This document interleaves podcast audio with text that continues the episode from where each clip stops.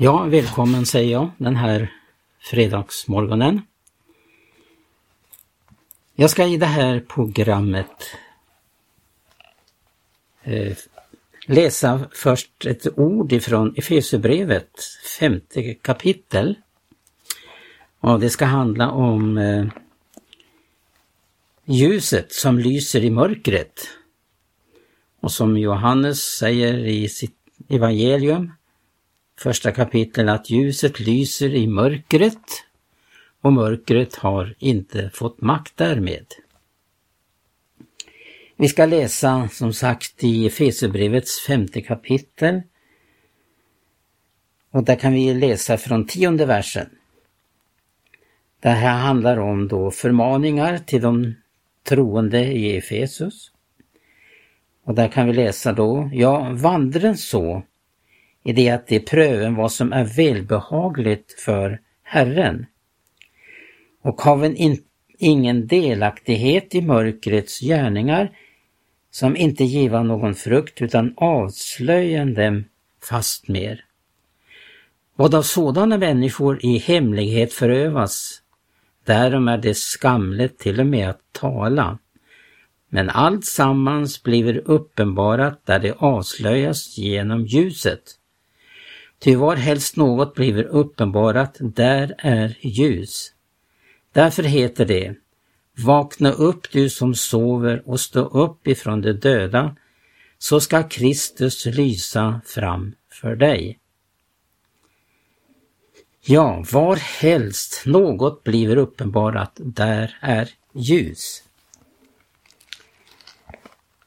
Ljuset, det får vi genom Guds levande ord som uppenbarar, avslöjar, räddar och frälsar var och en som tar emot det här budskapet.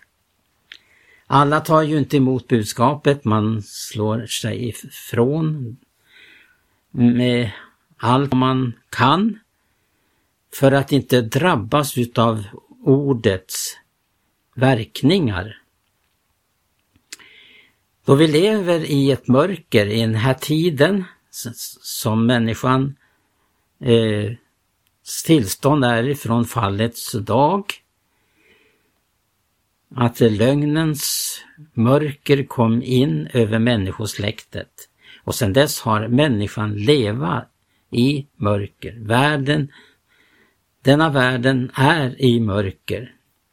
Men Gud vare ära och pris för hans namns skull, att han har kommit med ljuset för att eh, frälsa och rädda.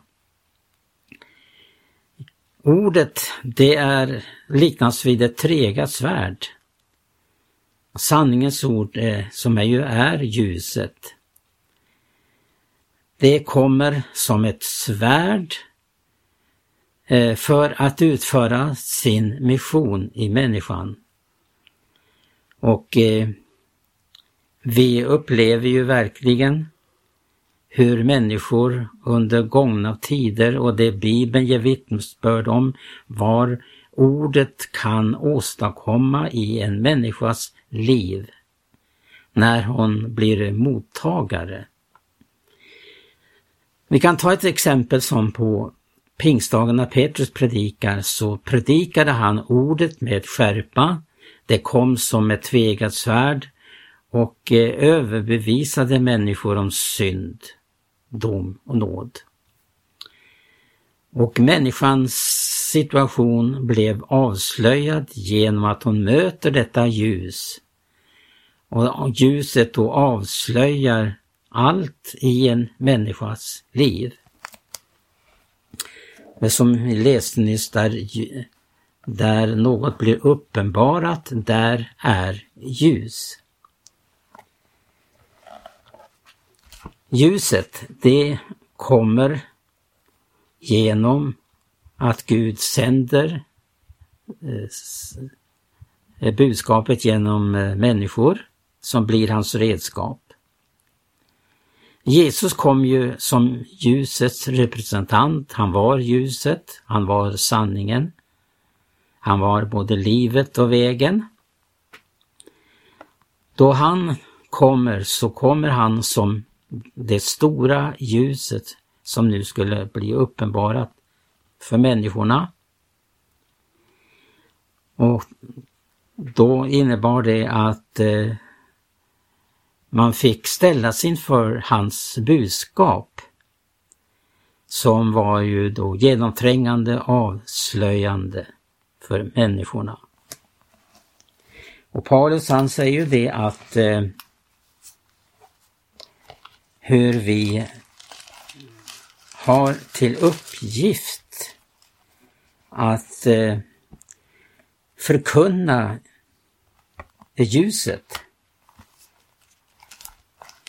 Till exempel så kan vi läsa vad han förmedlar i Andra Korinthierbrevets tionde kapitel. Att vi har stridsvapen som inte är av kötslig art. Och där i Andra Korinthierbrevet 10 kan vi läsa femte vers. Jag vill bryta ner tankebyggnader och alla slags höga bålverk som uppresas mot kunskapen om Gud och vill taga alla slags tankefunder till fånga och lägga dem under Kristi lydnad. Och när lydnaden är fullt och kommit till välde bland eder, då är vi redo att näpsa all olydnad. Jag tänker på också vad Paulus säger i Första Korinthierbrevet 16 och 22. Där så kommer han med detta rop, ett budskap om, om att ha Herren kär och att den som inte har Herren kär var förbannad. Maranata. Och det är det budskapet som vi hör ljuda idag och som bekräftar att eh, Jesu ankomst är mycket nära. Vi hör många budskap i vår tid och jag fick uppleva att det hamnade ett budskap i min mobil för en del tid sedan. Men den, det budskapet, jag vet inte i vem som står bakom det, men eh, jag upplever när man tar del av det att det är ett budskap riktat till den tid vi lever i. Och eh, jag ska strax be Gertrud att hon läser det där. Och eh, vi ska då få uppleva att det är ett budskap som är väldigt rannsakande. Budskapet heter ju 2023 och framåt. Det står så här. I världen ökad osäkerhet, otrygghet, eskalering av konflikter, demonstrationer och uppror. Två vägar banas. 1. Kristus återkomst. 2. Antikrists ankomst. Kyrkan. Mellan lägren och ljumheten får mindre och mindre utrymme, tvingas välja sida. Svårare för etablerade samfund att vara radikala, bibeltrogna. Staten sanktionerar starkare ideologisk styrning. Ökad förföljelse. Tvingar ut genuina troende i mer fria och oberoende konstellationer. Växande husförsamlingsrörelser kommer kallas sekter och förföljas från den kyrka som böjt sig för världen som en ursäkt för sin egen kraftlöshet och ljumhet. Jesus bygger i detta upp en församling som inte har en massa olika samfundshuvud att identifiera sig med, utan som gått genom vatten vattnet in i nya födelsens liv och uppståndelse där Kristus och endast Kristus är huvud och leder sin kropp. Andens liv kommer bli mycket påtagligt likaså en stark kärlek och funktion av gåvor. Allt detta är en rening av bruden där allt det som är byggt på annat än Kristus, klippan, avlägsnas. Frågan, vägskälet de troende kommer att ställas inför är Vad gör du av bägaren? Lidandets bägare. Ska den gå förbi dig eller är du beredd att dricka den? kommer du ta fighten mellan själ och ande tills du säger men ske inte min vilja utan din. Endast den som ger upp sitt liv för min skull ska finna det, säger Jesus. Endast genom död finns uppståndelse. Endast genom korsets verk kommer livet triumfera. Och vägen till korset är lidandets väg. Det är dödsvandringen för vår gamla natur. Den kyrka som avstår att predika detta kommer att locka många, men blir en del, bli en del av det stora avfallet. Korset kommer för dem bli en stötesten, en klippa till fall. Vägskälet kommer bli allt tydligare uppenbarat då Elias ande är utgjuten inför Kristi ankomst redan nu. Vägbanandet är en uppmaning till omvändelse, en uppgörelse med dubbelhet och vacklande, med kompromisser och avgudar, en maning till trohet till endast Gud. Det är vägen genom vattnet, vattnets dop, reningsbadet, döden till köttet och dess gärningar. Det är Karmelbergets uppdrag. Elden kommer inte före vattnet. Elden som församlingen ber om kommer inte förrän samtliga stenar, Guds församling, blivit dränkta med vatten. Ingen ära ska kunna tas från den levande guden i hans verk. Det är en domens tid både för Guds hus och i världen, men i världen kommer det bli ännu mörkare. I den tiden har Guds renade församling sitt stora uppdrag att stå upp och vara ljus för många. Många kommer söka sig dit när mörkret inte ger dem någon ro. I panik kommer det komma. I Guds hus kommer det finna en fristad. Först kommer deras behov att bli mötta. Sedan kommer de bli tränade i den strid som råder mellan mörker och ljus.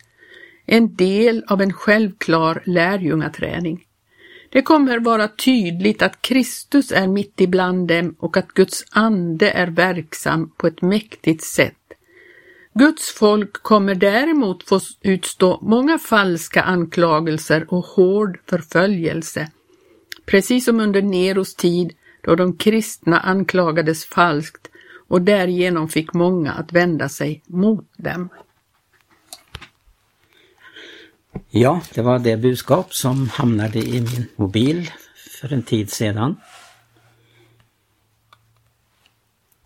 Då det gäller det budskap som eh, inte är uppblandat, som är rent och klart oförfalskat, så eh, har det naturligtvis konsekvenser med sig. Jag tänker på när Jesus gick här på jorden så sa ju han till människorna, vad vi kan läsa om i Matteus eh, 10 från vers 34. Där står det så här. Ni ska, ska inte mena att jag har kommit för att sända frid på jorden. Jag har inte kommit för att sända frid utan svär. Ja, jag har kommit för att uppväcka söndring så att sonen sätter sig upp mot sin fader och dottern mot sin moder och sonhustrun mot sin svärmoder. Gen var på sitt eget husfolk till fiender. Den som älskar far och mor mer än mig, han är mig inte värdig. Och den som älskar son och dotter mer än mig, han är mig inte värdig. Och den som inte tager sitt kors på sig efterföljer mig, han är mig icke värdig. För den som finner sitt liv, han ska mista det. Men den som mister sitt liv, han ska, han ska finna det. Jesu budskap det var söndrande, väckande och man fick ju uppleva att eh, budskapet för att det skulle bli räddande och frälsande måste utföra sin mission i en människa. Jag tänker på när vi framför Bibelns budskap så är det ju inte för att i första hand döma. Ja, ordet dömer i sig själv. Men det är ju så här om jag tar en liten enkel illustration, en, en händelse som jag faktiskt hörde en predikande broder berätta för mig. Det var så här att han fick problem.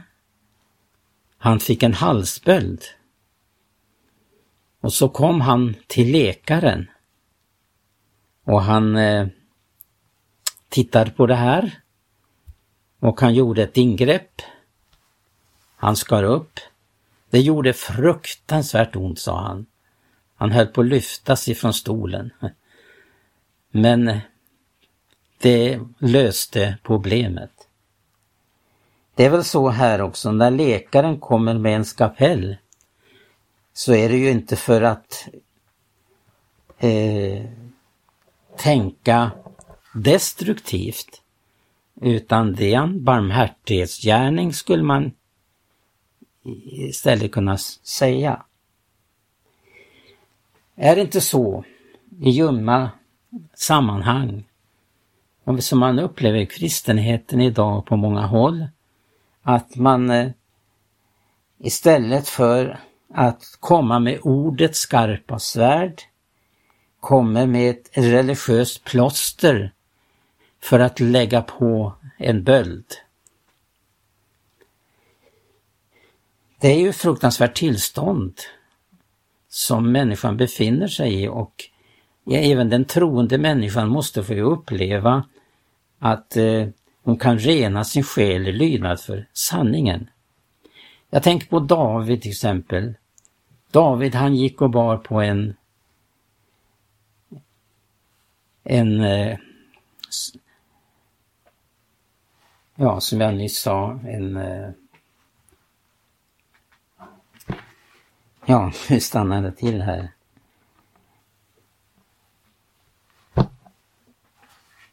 Ja, i alla fall då så var det ett ingrepp som måste göras. Och eh, han, David, bar på den här eh, synda eh, svulsten. Och eh, han gick och kämpade i sitt mörker. Han upplevde ju att eh, Guds hand var tung över honom och att han eh, fick uppleva det natt och dag. Lösningen för David var att han skulle möta ordets svärd som avslöjade hans situation. Och det var ju eh, Natan som kom till David som berättade för honom eh, för att eh, eh, förklara för David hur situationen var. David reagerar våldsamt och han framställde hur, det var, hur illa ställt det var den mannen som, som han talade om i sin illustration. Han blev upprörd, David, om den mannen. Men så avbryter Natan och säger som att du är den mannen. Och där mötte han sanningens ljus och svärd. Han fick uppleva att den böld som han bar, den eh, fick skäras upp och varet rinna ur. Och så renades David ifrån sin situation. Den fruktansvärda synda eh, situation som han hade åstadkommit och som han levde i, men som Gud hade en lösning. Gud har en lösning, han kommer med sitt budskap till oss och det blir uppenbarat vad som är sanning och vad som är lögn.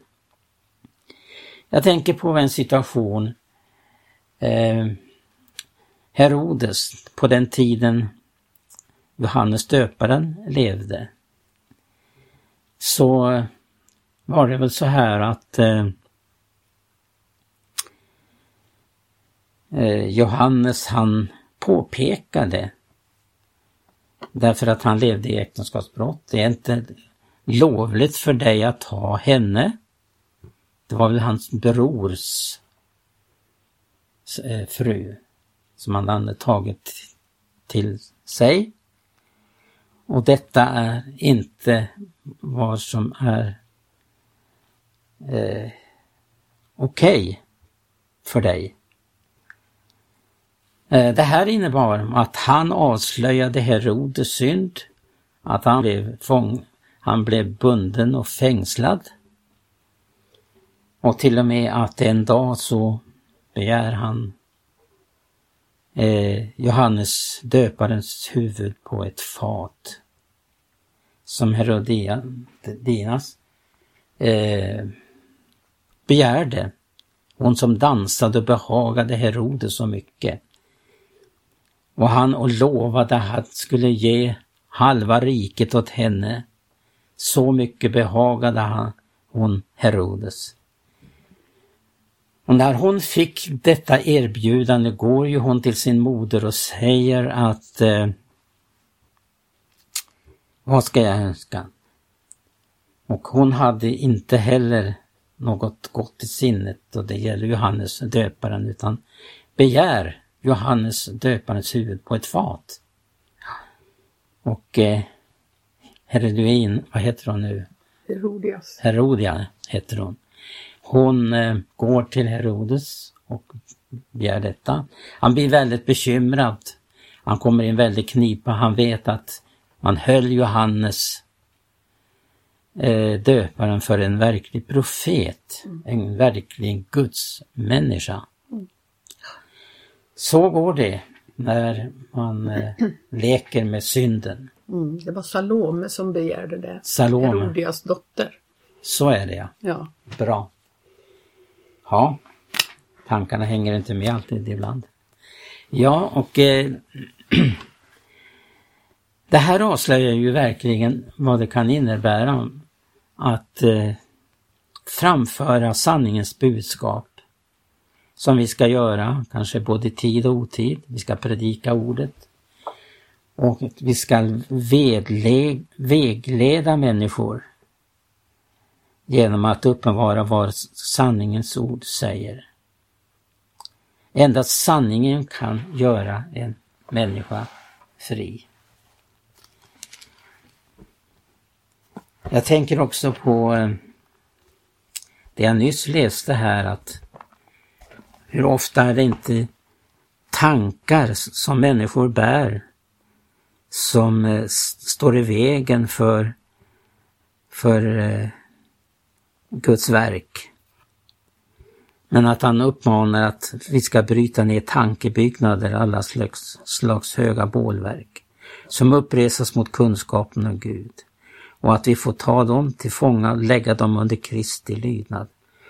Och sen avslutar det här sammanhanget med, i, med den här versen. Och när lydnaden fullt har kommit till välde bland eder, då är vi redo att näpsa all olydnad. Och för att citera ännu ett bibelord, där, där Paulus säger att allenast för sanningen förmår vi något.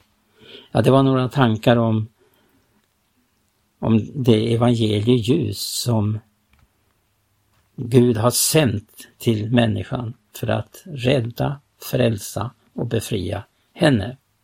Gud välsigne dig som har lyssnat den här halvtimmen på återhörande.